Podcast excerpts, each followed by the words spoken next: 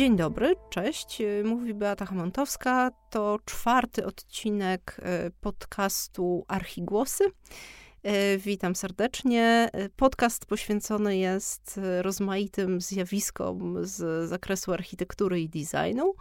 I dzisiaj moją gościnią jest Dorota Leśniak, współzałożycielka i prezeska Krakowskiego Instytutu Architektury. Cześć, dzień dobry. Y, cześć, Beato, dzień, dzień dobry, dziękuję za zaproszenie.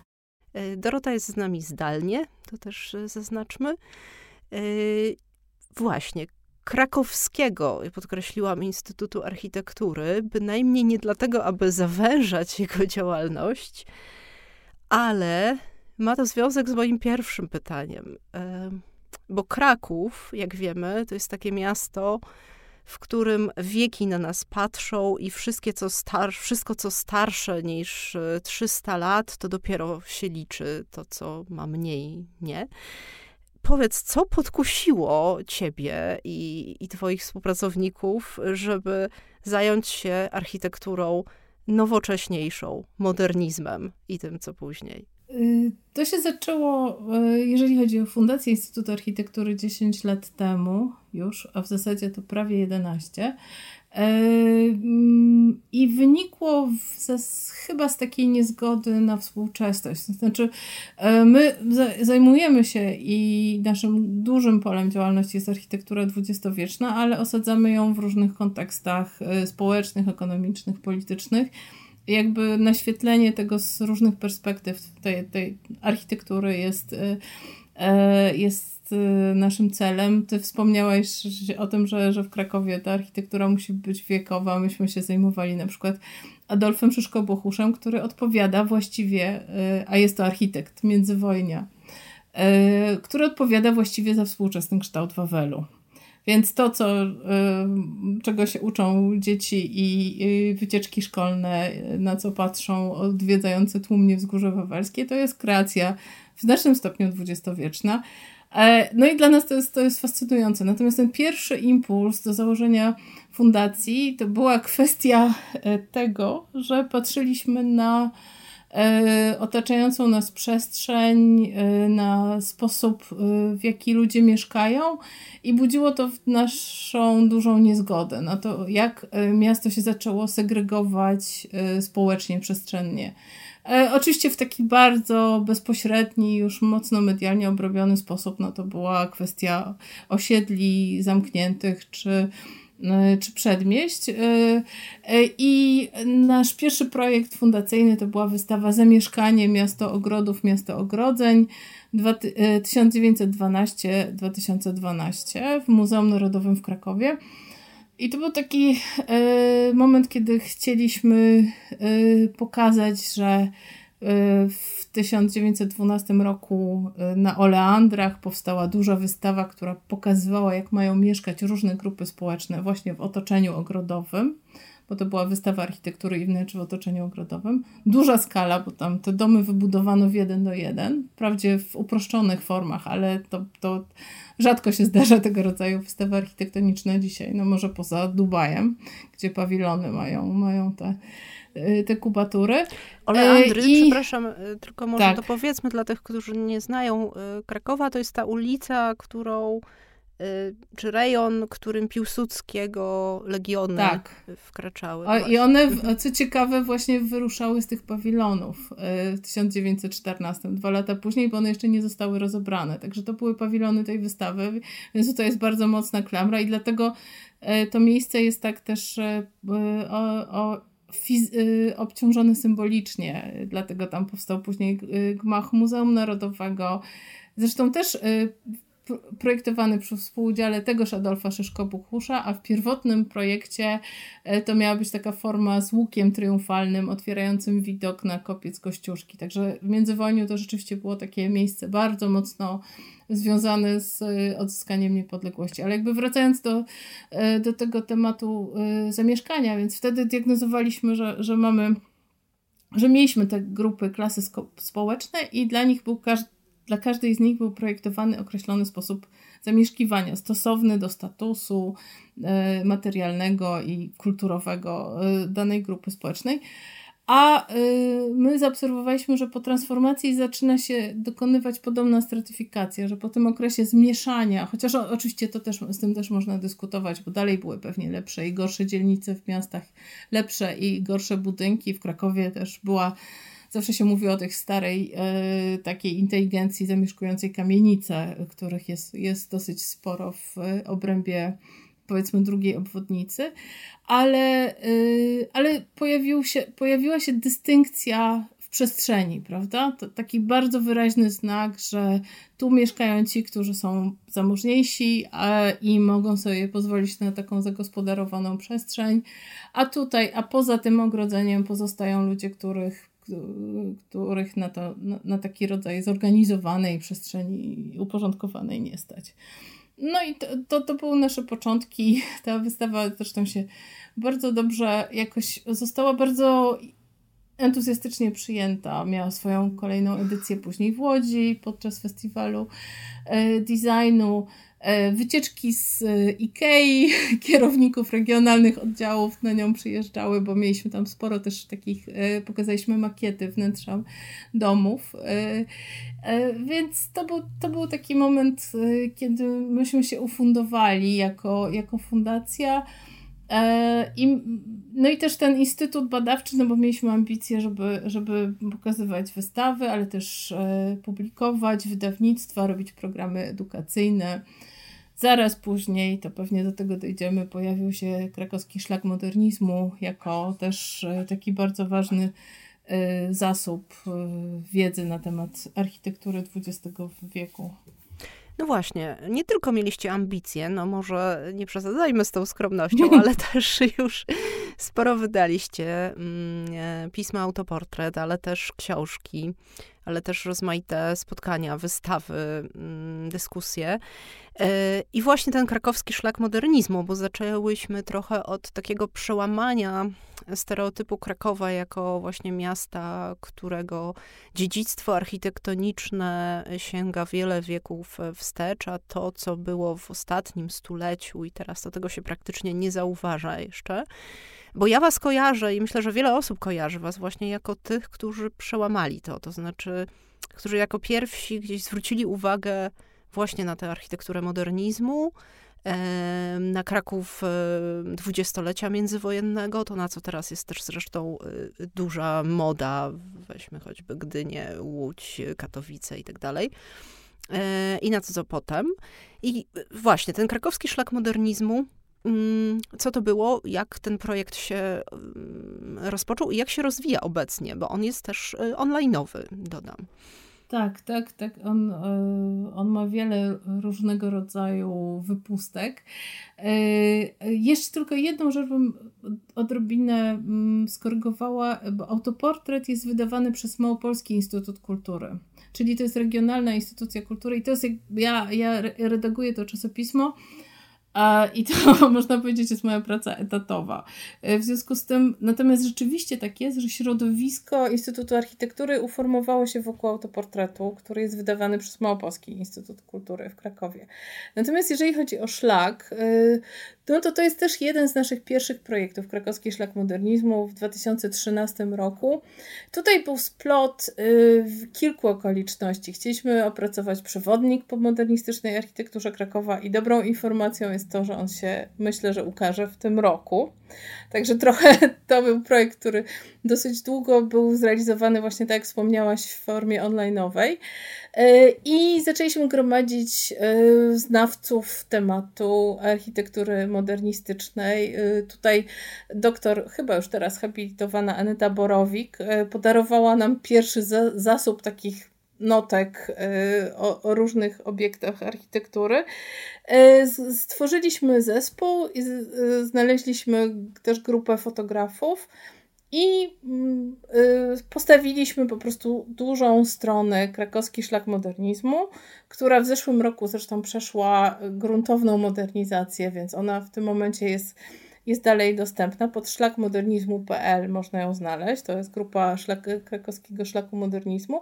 I to jest ogromny zasób danych, tam jest bodajże 150 y, obiektów E, w które są opisane przez historyków sztuki, do których znaj dą nasi, nie wiem, internauci wszystkie y, y, możliwe y, archiwalia, także zdjęcia archiwalne i fotografie współczesne. Także staraliśmy zawsze zebrać też te informacje ikonograficzną, nie wiem, zasobów Narodowego Archiwum Cyfrowego albo z Muzeum Krakowa, po to, żeby pokazać, no właśnie, to o czym wspomniałaś, e, do jakiego stopnia duży i niezauważany jest to zasób. Architektura modernistyczna, jeszcze międzywojenna, e, ona często jest w pierzejach ulic, więc nie do końca jest rejestrowana. Też te detale są bardzo subtelne, środki, którymi ona przemawia, są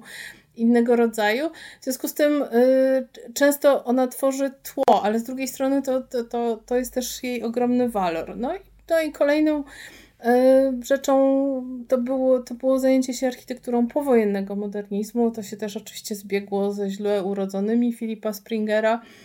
E, i też zagrożeniem fizycznym tych budynków. E, tutaj oczywiście e, najbardziej takim sztandarowym przykładem na gruncie krakowskim, bo na warszawskim no to niestety wiele tych, tych budynków poległo i Super oddało miejsce. Mhm. Chociażby Super Sam. Emilia jest dla mnie też, też przykładem no, takiej bardzo przegranej walki i, i parę innych. Natomiast tutaj, tutaj to była kwestia y, zburzenia hotelu Krakowi i postawienia na jego miejscu galerii handlowej. E, I, I to też, to też był bardzo ciekawy moment, bo myśmy byli współorganizatorami protestu. Inicjatywa wyszła od Mateusza Okońskiego i Cecylii Malik. Mateusz Okoński, rzeźbiarz, artysta krakowski, Cecylia Malik, aktywistka. Chociaż te, te nasze akcje obronne szły różnymi torami, ale takim, taką najbardziej spektakularną był e, wielki protest, w którym brało udział, nie wiem, 200-300 osób, marsz e, chciwość miasta. E, I to było takie oskarżenie i deweloperów, i miasta, że oddają przestrzeń, która była jednak w większym stopniu publiczna, w, w, w na funkcję komercyjną, która zdewastuje ten charakter rekreacyjny błoń i kulturalny, no bo to jest bezpośrednie sąsiedztwo Muzeum Narodowego. No i tam splot okoliczności różnych, zmiana władzy między innymi doprowadziły do tego, że ostatecznie ten budynek został kupiony przez Ministerstwo Kultury i będzie tam, miejmy nadzieję, oddział Muzeum Narodowego w Krakowie, więc jakby udało się utrzymać ten bardzo ciekawy przykład yy, powojennego modernizmu autorstwa Cęckiewicza właśnie w obrębie yy, jakiegoś rodzaju sfery publicznej. Co też jest ważne, że to, to, to było projektowane przez Cęckiewicza jako zespół yy, Hotel Krakowia i Kino Kijów. Yy, w związku z tym rozmontowanie jednego elementu tego zespołu równocześnie wpłynęłoby też na, na, na, na Kino Kijów, które jest absolutnie wybitnym zabytkiem z, z wspaniałą mozaiką we wnętrzu. E, Krystyny Zuguc-Trachockiej. Także to jest taka, taka witryna e, miasta. Jak e, Państwo przejeżdżają alejami, to, to, to, to, to jest rozświetlona taka wielka rzeźbiarska ściana niebiesko, niebiesko-zielona. I dodajmy jeszcze, że właśnie zaletą chyba też taką zupełnie nieoczekiwaną tutaj, czy dodatkowym takim atutem było to, był fakt, że projektant, czyli właśnie Witold y, Cęckiewicz, y, y, żyje, żył, tak? I, żyje, i żyje, jest nadal, wiekowy tak. bardzo. Tak, ale... już chyba 90 parę lat ma profesor, mhm. nie, nie pamiętam dokładnie, ale tak, to jest chyba 24 rocznik. Czyli tak, czyli 98 chyba w tym roku skończy w kwietniu. Tak, e, to był, e, to, to jest e, ciekawe, że to mówisz, bo to był zarówno atut, jak i duży minus. Bo pierwszym argumentem konserwatora Jana Janczykowskiego było to, że właśnie nie można wpisać do rejestru zabytków budynku, którego twórca żyje. Bo padł taki argument. E, no, przekonywaliśmy go jednak i, i to na różnych poziomach, bo myśmy też e, wywnioskowali o wpis na poziomie Ministerstwa Kultury, e, że jednak to, to nie jest przeszkoda. Natomiast no, to, to rzeczywiście była przygoda, bo równocześnie rozpoczęliśmy taką sesję bardzo długich rozmów z Witoldem Ceckiewiczem, z którego powstała monografia jego budynków, długa rozmowa i drugi tom esej opracowań krytycznych. To jest może też taka ścieżka naszej działalności i tutaj też się odzywa jakby to nasze osadzenie krakowskie, że wydaliśmy zaraz cztery chyba monografie krakowskich architektów. Trzy międzywojennych i jedną powojennego właśnie Witolda Cęckiewicza, więc tutaj Adolf Szyszko-Bochusz, Fryderyk Tadanier, Wacław Nowakowski i, i, i Witold Cęckiewicz. To I też jest... nadzieję, że będzie więcej jeszcze. Bardzo byśmy chcieli, tak. I, I mamy to w planach. Mm, je, wspomniałam o tym, że żył jako atucie, ponieważ y, tu przy okazji, bo ty wiesz pewnie najlepiej, ten no, niezwykły budynek, jakim jest y, Krakowia, ocalał, został kupiony, wiadomo. E, Witold Cęckiewicz żyje i można z nim konsultować mm, to, co dalej, bo on zna lepiej, chyba najlepiej ze wszystkich to, ten obiekt. Ale co się dzieje, bo to już sporo czasu jednak od tej historii minęło i były różne pomysły, jak zagospodarować ten, e, ten budynek, a chyba do tej pory niewiele się tam wydarzyło ty wiesz, co, co, co się będzie działo, no bo to, to już z znaczy, pięć lat. Co, my, my nie jesteśmy jakby stroną w tym procesie, natomiast y, jakoś to staramy się obserwować. Y, więc po pierwsze to jest też tak, że y, co ciekawe, profesor Cęckiewicz był na początku zaangażowany w jakiś rodzaj projektu też tej galerii. Więc e, później widząc, co się ma wydarzyć, e, jakoś z tego wycofał, ale on jednak z tym deweloperem Echo Investment na początku jakoś tam kooperował. E, I natomiast tutaj wiem, że on jest w kontakcie z dyrekcją muzeum i ma być tutaj rozpisany, z tego co słyszałam Andrzeja Szczerskiego, dyrektora muzeum, ma być rozpisany międzynarodowy konkurs na przebudowę.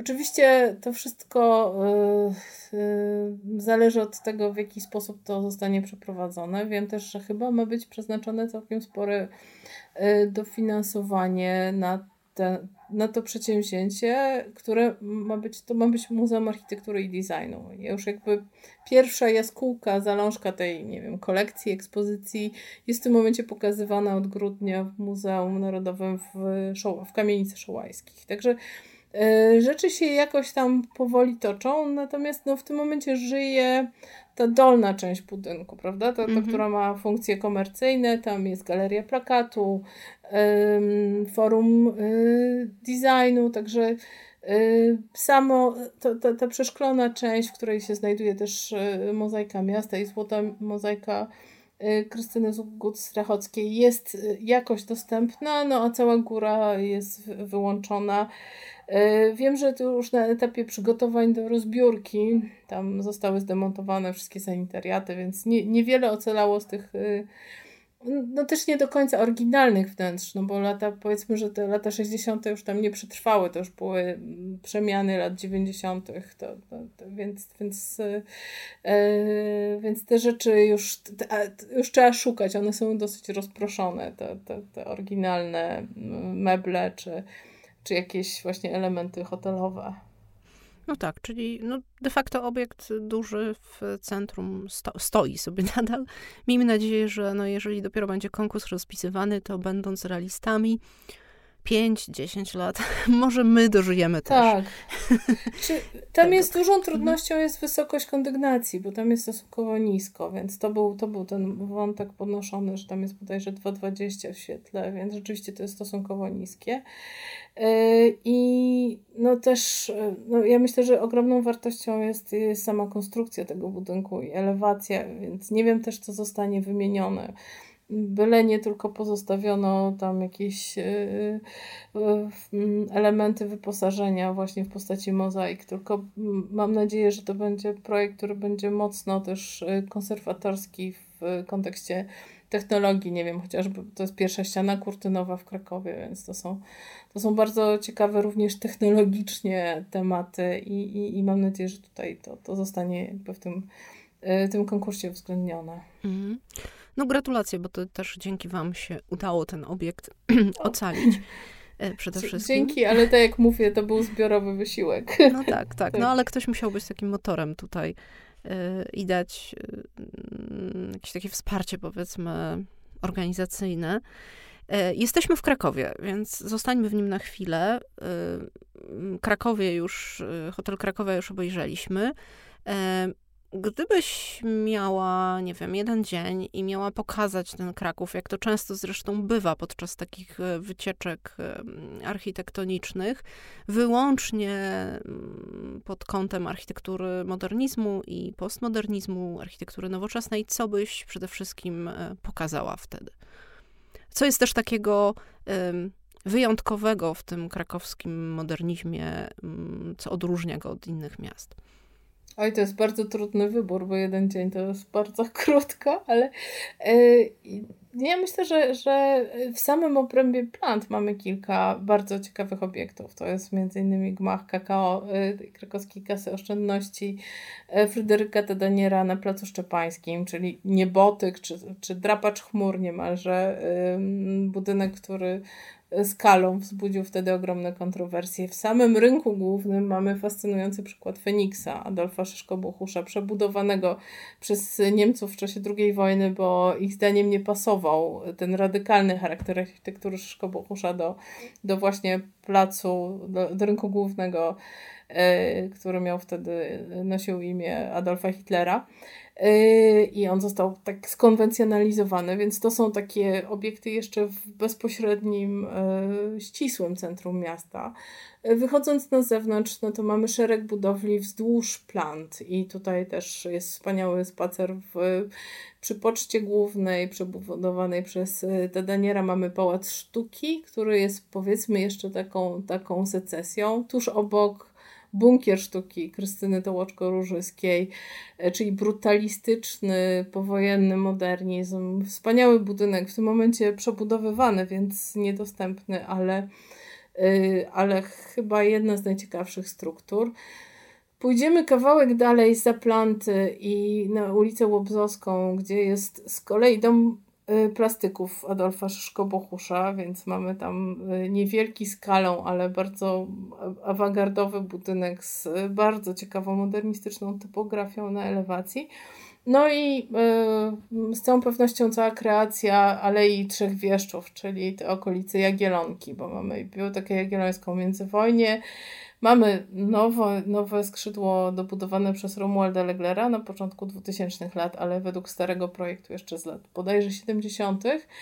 E, mamy Akademię Rolniczą, e, teraz Uniwersytet Rolniczy Stanisława Juszczyka, która jest znakomitym i nieprzebudowanym jeszcze właśnie budynkiem modernistycznym. No i dalej oczywiście właśnie mówiliśmy o, o Krakowi, ale obok jest jeszcze Muzeum Narodowe, Kidon Kijów. No i koniecznie, ale to jest kolejny dzień, to już w, w tym jednym nie, nie zmieścimy. Nie, Należy się wyprawić do Nowej Huty i zobaczyć y, y, samo centrum to jest, to jest architektura socrealistyczna, ale oglądać sobie te zespoły mieszkaniowe, towarzyszące im budynki y, publiczne, nie wiem, przedszkola, szkoły, centrum administracyjne Huty, znowu masywny socrealizm, ale fantastyczny. E, I blok szwedzki, blok francuski, czyli wkraczający powojenny modernizm do Nowej Huty. No myślę, że to jest wyprawa, e, która jest trochę wyprawą do innego świata, bo w dalszym ciągu Huta jakoś funkcjonuje chociaż to bardzo dobrze skomunikowana, e, funkcjonuje w oderwaniu od, od, od Krakowa, ale też posiada już bardzo mocną taką nową tożsamość. Tam jest ogromne. Koledzy z, i koleżanki z Instytutu Architektury współpracowali z Ośrodkiem Centrum Kultury Norwida i zorganizowali tam spacery właśnie po e, architekturze Nowej Huty, na które przychodziło sto, sto, kilkanaście osób e, i, i to było całe lato. Tych spacerów było chyba kilkanaście. Więc e, myślę, że, że Chyba, chyba to są główne te miejsca. No i oczywiście jako wisienkę na torcie to zabrałabym na Wawel i pokazała, za co odpowiada Szyszko Bochusz i, i, i, i to, no nie wiem, chociażby to wejście na, przez bramę herbową od strony kanoniczej to jest to jest kreacja Szyszko-Bohusza. Część e, samego zamku jest przebudowana przez niego. Mamy kuchnie królewskie z czasów Hansa Franka, więc e, to są, to są fascynujące historie uwikłania architektury w różne procesy historyczne. Myślę, że długo. No i wreszcie baldachim nad grobem Józefa Piłsudskiego, który kiedyś przetworzyliśmy i pokazaliśmy na, na, na Biennale Wenecji w 2014 roku w pawilonie polskim. Mm. Jako projekt figury niemożliwe razem z Jakubem Wojnarowskim. Mm -hmm, To, to, to był taka, taki najbardziej międzynarodowy projekt. A co jest takiego, mm, jest coś w ogóle wyróżniającego mm, krakowski modernizm od innych modernizmmów? Że tak, tak też nawiąże do tych zbiorów y, tekstów takich y, monumentalnych, które się od jakiegoś czasu ukazują pod, pod hasłem modernizmy, pokazujących architekturę modernistyczną Polski w różnych regionach. Y, myślę, że jest. Y, z całą pewnością jest to typologia kamienicy, jeżeli mówimy o modernizmie międzywojennym. Tutaj jest y, przeniesienie formy okna wawelskiego na przykład i, i transponowanie hmm. takiego trójdzielnego i transponowanie go w, y, właśnie w język takich wyczyszczonych, modernistycznych form.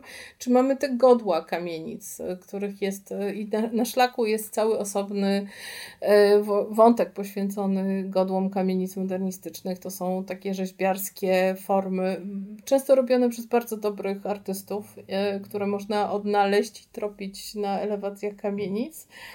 E, więc myślę, że e, też swego rodzaju symetryzm czy zachowawczość, bo ja myślę, że ta architektura była mhm. też częściowo bardzo e, komercyjną architekturą, właśnie budującą ten zasób czynszowy kamienic, więc myślę, że, że tutaj mm, bogactwo. Ja też polecam nasz kanał na Instagramie Szlak ku modernizmu. Tam kolega Michał Wiśniewski wrzuca zasila nowymi treściami. Jest po prostu ogrom detali, klatek schodowych, bo Michał się tam zakrada w, w jakiś sposób, przełamując przez demofony i fotografuje.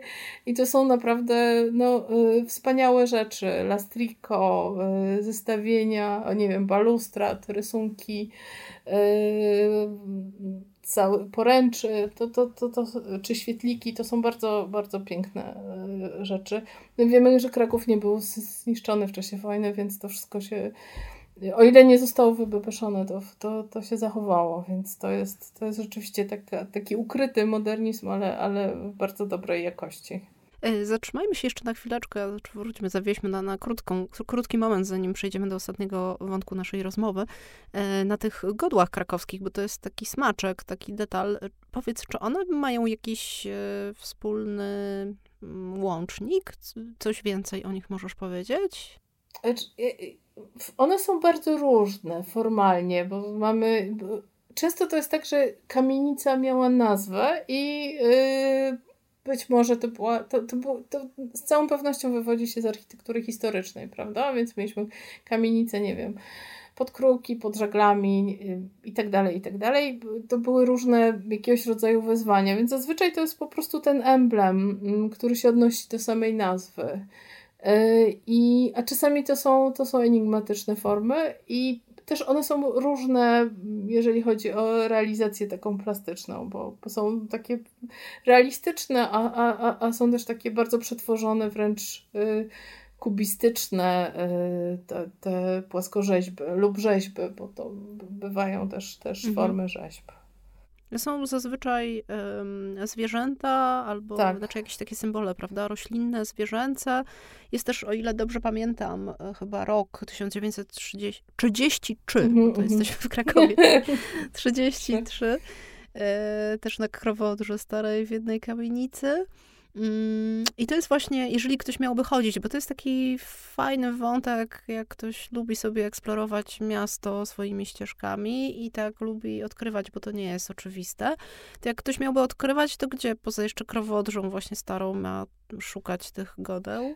No w obrębie y, za alejami, y, czyli ten cały zespół okolic Placu Inwalidów, y, ulicy Królewskiej, czy, czy starego i nowego kleparza. Tam te, te, myślę, że, że tych, yy, tych kodeł jest najwięcej. Warto się zapuścić, bo to nie są rejony jakoś szczególnie przez turystów yy, odkryte. Ale też bardzo blisko, mm. też w zasadzie 15-10 minut spacerem od rynku głównego, także też bardzo dostępne. Mhm. A jesteśmy, skoro jesteśmy przy mieszkaniu i przy krakowskiej kamienicy, aczkolwiek trochę Mm, też rozbiłyśmy chyba jej wizerunek, taki stereotypowy. Mm, to na koniec nawiążmy do mm, Twojej książki, to znaczy odnieśmy się do Twojej książki, której tytuł bardzo lubię. Jesteśmy wreszcie we własnym domu. On jest bardzo taki optymistyczny i jest też e, oczywiście nawiązaniem. Jest też trochę ironiczny. Jest też trochę ironiczny. Mm -hmm. Natomiast to, co z niej się wyłania, jest dość gorzkim obrazem, bo ty próbujesz zdiagnozować. E, spróbuję teraz ja syntezy jakiejś, chociaż to trudne. E, historię mieszkalnictwa e, współczesnego, czy tej Polski, powiedzmy, transformacyjnej i posttransformacyjnej. No i właśnie zaczynałyśmy zresztą naszą rozmowę od, od tego, jak kształtowały się te mm, systemy mieszkalnictwa dla różnych klas społecznych. I tutaj też mamy właśnie to duże rozwarstwienie. Ty się skupiasz też mocno na tej tak zwanej nowej klasie średniej. E, I Kraków jest tutaj chyba też wdzięcznym obiektem diagnozy, tak mi się wydaje. Obok Warszawy bardzo często on jest przywoływany, kiedy, kiedy mowa o różnych patologiach rynku deweloperskiego. Więc gdybyś mogła w dwóch słowach, no może dwóch słowach to nie, ale w paru zdaniach zarysować ten obraz, co się wyłoniło z twoich e, obserwacji i badań, e, które się złożyły później na książkę. Mm, I bo myślę też, że jesteśmy w takim momencie mm, trochę przełomowym z różnych powodów i to, co, to, co tam zobaczyłaś, może miejmy nadzieję też, niekoniecznie e, musi dziać się dalej, znaczy musi się rozwijać w tym samym kierunku. Tak, to, to, tutaj jest dużo, e, poruszyłeś dużo wątków i to odniesienie do współczesności jest, jest ważne, ale rzeczywiście zaczynając historycznie, to jest książka o tym, jak y, zmieniły się formy zamieszkiwania y, Polaków po 1989 roku i z czego właściwie, znaczy jakie są źródła tych pragnień i przemian co je umożliwiło ekonomicznie, czyli tutaj kwestia kredytu, wstąpienia do Unii Europejskiej, kredytu hipotecznego, który, jak Mikołaj Lewicki mówi, zabudował przedmieścia i to jest ten mechanizm.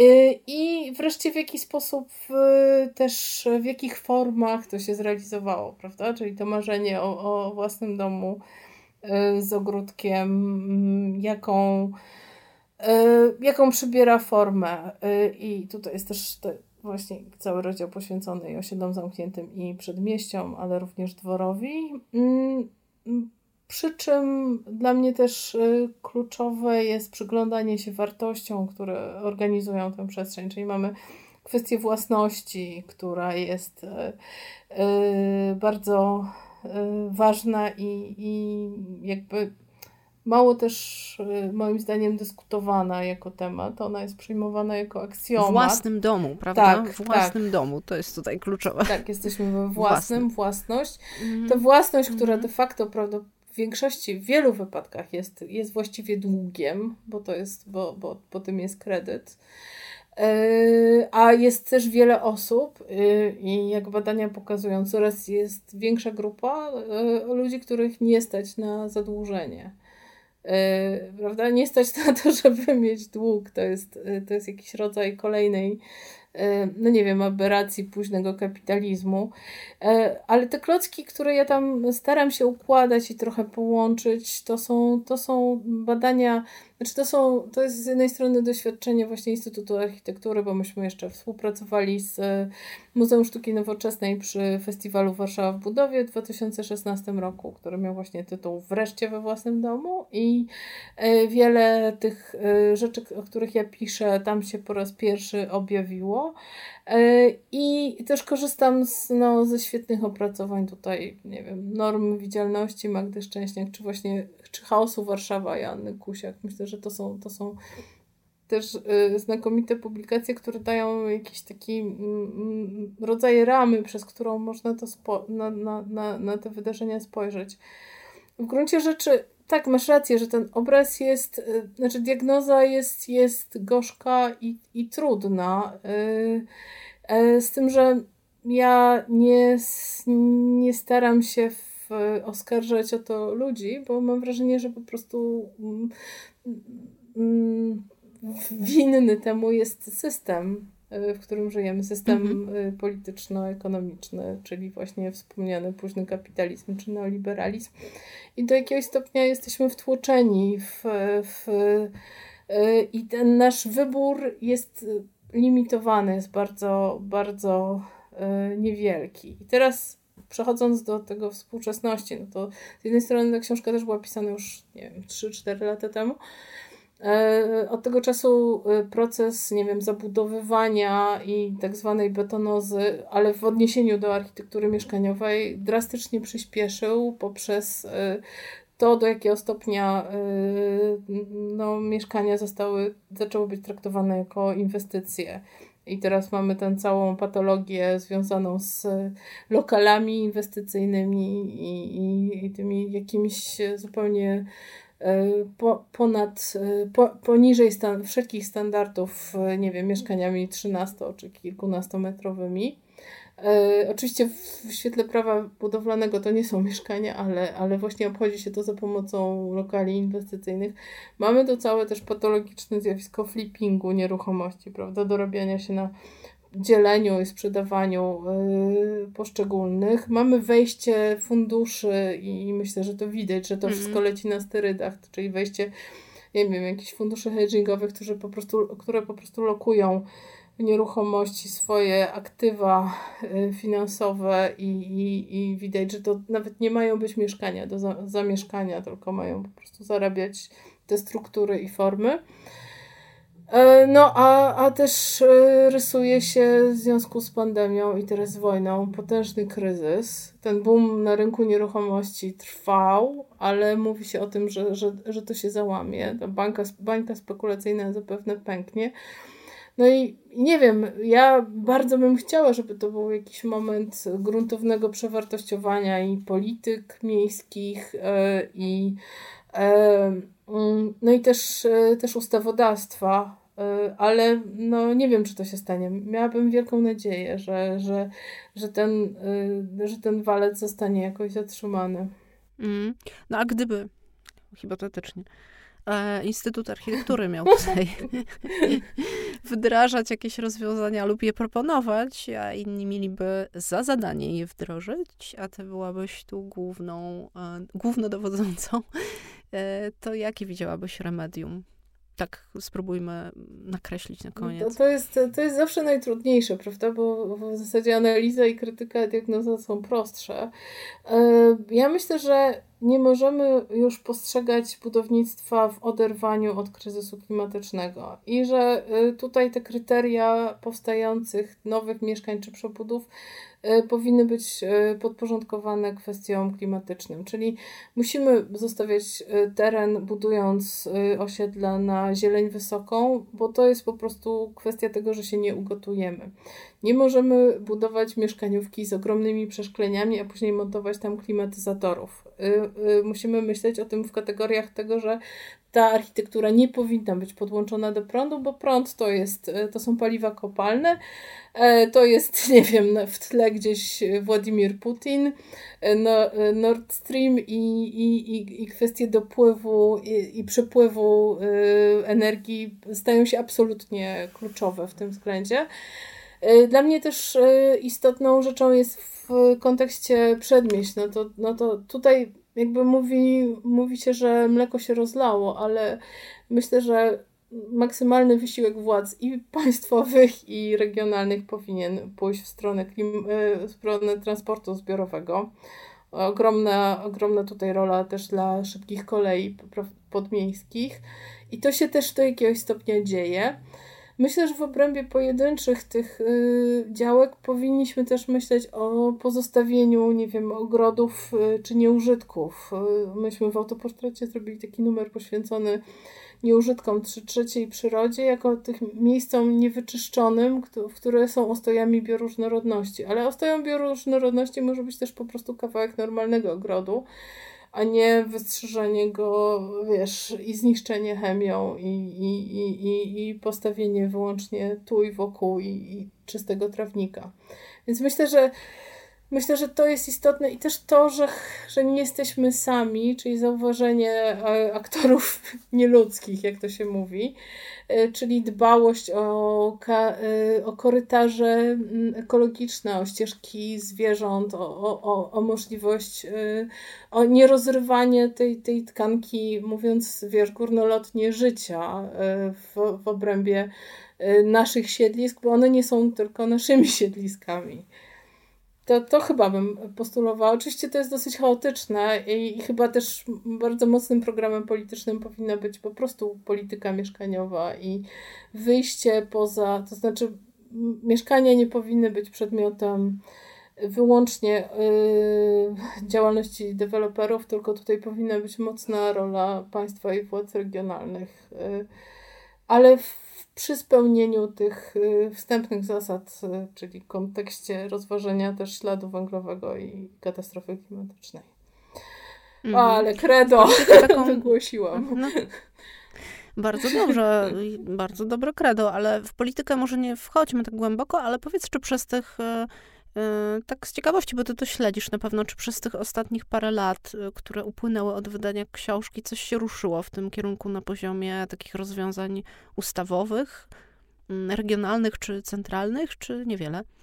Yy, wiesz, wydawało się i zresztą pamiętam, jak Philip Stringer pisał o tym, jak PiS doszedł do władzy, że, że ten program Mieszkanie Plus może być taką zmianą, ale okazuje się, że on też jest jakby yy, nakierowany na dojście do własności i też jego skala yy, okazała się bardzo rozczarowująca, więc tutaj był, był sensowny punkt jakby krok w sensownym kierunku zrobiony, ale później się z niego wycofano i też, e, e, też pojawiło się wiele wątpliwości, w jakich miejscach te na przykład e, mieszkania mm, z, z, realizowane z racji ustawy Lex Developer są e, lokowane. Więc tutaj, tutaj e, to z pewnością. Ja raczej, wiesz, dostrzegam przyspieszenie i jeszcze mniejszą kontrolę. To znaczy, mam wrażenie, że że, że coraz lepsze są metody obchodzenia wszelkiego rodzaju regulacji. Ma być teraz nowe prawo budowlane. Wiem, że ono jest w konsultacjach, ale przyznam się, że jeszcze nie miałam czasu przeczytać tych propozycji. E, więc tutaj nie jestem najlepszą e, e, osobą do rozmowy.